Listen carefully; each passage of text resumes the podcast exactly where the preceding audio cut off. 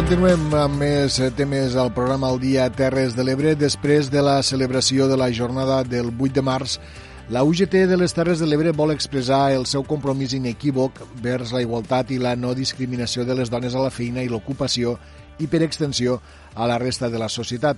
Per este motiu, demà duran a terme la jornada que se celebrarà a partir de les 11 del matí al Museu Terres de l'Ebre i que han titulat Amb el 70% no en tenim prou, una jornada que comptarà amb la presència, entre altres, d'Eva Gajardo, secretària d'Igualtat i Formació Professional de la UGT de Catalunya, i del propi Camil Ros, secretari general d'aquest sindicat a Catalunya. Cinta Baranda, bon dia. Bon dia. Cinta Baranda és responsable d'Igualtat de la UGT a les Terres de l'Ebre. Cinta, en esta jornada parlareu de la campanya amb el 70% no en tenim prou. Què voleu explicar des de la UGT a través d'esta campanya? Mira, eh, amb el 70% no en tenim prou, vol, volem donar constància de que ha, eh, perquè el 70% significa que és perdre part del talent femení, és perdre part del valor de les nostres vides i és perdre part del retorn de la nostra societat com a ciutadanes que som les dones. Uh -huh. I, per tant, volem donar a conèixer que mm, tenim que lluitar perquè tenim una cultura d'igualtat d'oportunitats i de no discriminació vers les dones.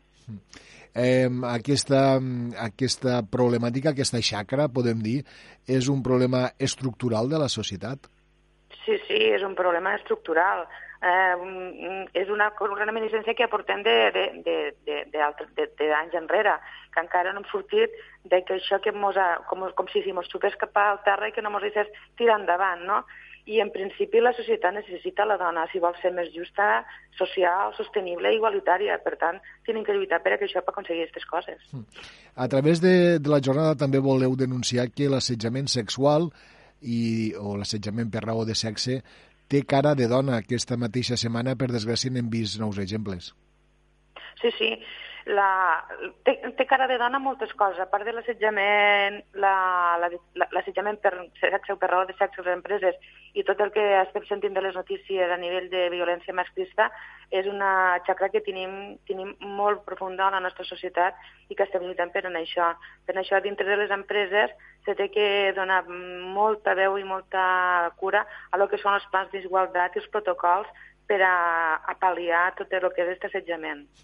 Aquests plans d'igualtat fins ara tenien, eh, me sembla, me corregirà si m'equivoco, les empreses estaven, eh, estaven obligades a, a dur-los a terme hasta un número determinat de treballadores i treballadors.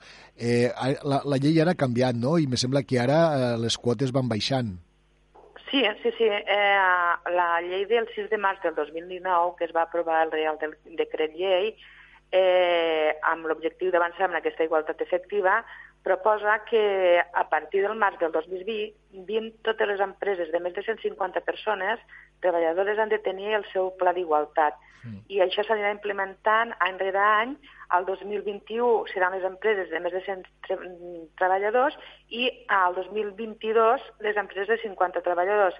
Abans, aquests plans no eren... Bueno, es feien, però bueno, estaven al calaix i passava l'inspector, l'ensenyaven i tal, però ara són d'obligat compliment i a part negociat entre empresa i, i els treballadors i la, el representant dels treballadors amb un contingut mínim i una auditoria salarial i a part eh, és d'obligat compliment el registre del Departament de Treball. Eh, mm, suposem que això és una bona notícia, però clar, estem parlant d'empreses de eh, fins a 50 treballadors per a l'any 2022 eh, però això hauria de ser per a totes les empreses, independentment del nombre de treballadors que tinguen. Per ara hem avançat una mica. Ja almenys eh, en aquest territori són petites empreses i tenim que anar més. L'altra cosa és que encara que no tingués pla d'igualtat una empresa petita, que tingui menys de 50 treballadors, sí que, tindré, sí que té que tindre protocols d'actuació davant certes situacions que es puguen provocar dintre de l'empresa a nivell del que és assetjament sexual, per raó de sexe, discriminació. Estos, és, és, eh, estos protocols són per a tot tipus d'empresa, tot tipus i el contingut del treball que tingui qualsevol número de treballadors. L'altra cosa és que tenim que intentar o que la empresa, les mateixes empreses se consciencien per a aplicar els plans. Mm. -hmm. el que per ara, obligatòriament, només és, serà fins a 50 treballadors. Molt bé, i en este horitzó que dèiem del, del, de l'any 2022. Eh, Cinta, acabem de passar un, un altre 8 de març, tot just fa uns dies, diumenge. Quina valoració en feu de, de com va anar enguany aquesta jornada?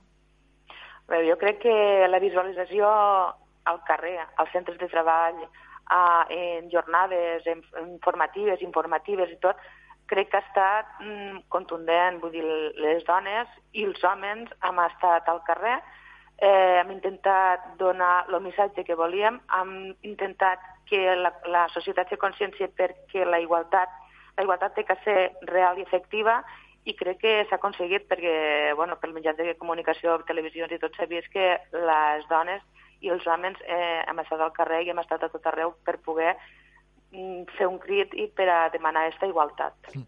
No obstant, eh, Cinta, tot i aquesta valoració positiva, que evidentment eh, compartim, mm, me dona una mica la sensació, és una sensació personal, que any rere any, eh, un any detrás de l'altre, seguim de la mateixa manera. De fet, coneixíem fa uns dies que, per exemple, a Catalunya l'any 2019 ha estat l'any en què ha hagut més denúncies per agressions i per abusos sexuals de tota la història. Segurament és perquè eh, se, denuncia més ara, no? però, no sé, mm, a vegades m'he donat la sensació de que no acabem d'avançar lo suficient. Jo crec que no es denuncia tot el que es té que denunciar. La, la persona, i, i et parlo també a l'àmbit laboral, no? Potser està aquella temor o aquella mala informació que hi ha respecte a que té eines per a poder denunciar la seva situació. N'hi ha moltes més eh, de les, de denúncies que no arriben en lloc o es queden pel camí. I llavors, eh, a veure, el que tenim és que fer aquestes mesures i a part de, de valorar, com ara hem fet fa un moment, de valorar el 8 de març, és que no només tenim que quedar en el 8 de març. Vull dir, pica pedres, pica pedres durant tot l'any. I durant tot l'any tenim que anar valorant, sigui el 8, sigui el 9, sigui el 10, del juny, del desembre de tot l'any. I, per tant, aquestes coses se tenen que anar valorant perquè, com tu dius, això està passant durant tot l'any. Uh mhm. -huh. I, I tenim que ficar les mesures i anar treballant i lluitant per a que tant nosaltres com a sindicats com l'administració sí que les eines adequades per a poder pal·liar aquest mal. Tornem a la jornada de demà. Recordem, 11 del matí al Museu Terres de l'Ebre a Amposta. Aquesta jornada de amb el 70% no en tenim prou. Eh, pregunto, és, és oberta a tothom? Pot assistir tothom?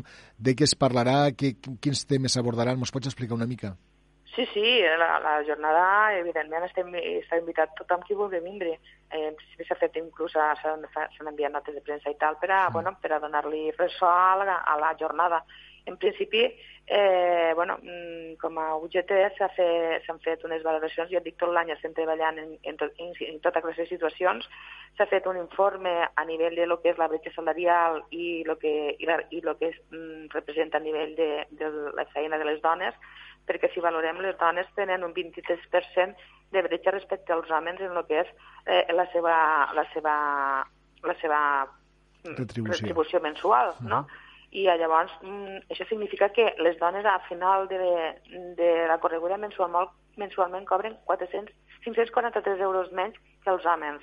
Llavors el que s'ha fet un informe a nivell de, de tota aquesta situació i a part se presentarà una guia que és una guia per a l'aplicació de la igualtat retributiva entre dones i homes, eh, que és una eina molt, molt positiva, inclús per a lo que és la, la negociació col·lectiva en l'àmbit de, tant del sindical com patronal com del Consell Laboral de les Relacions de, Laborals de Catalunya, que és una mica qui, qui conjuntament han elaborat aquesta guia. Mm. Per tant, la cita és aquesta, demà a partir de les 11 del matí, Museu Terres de l'Ebre, Amposta, campanya eh, o jornada amb el 70% no en tenim prou.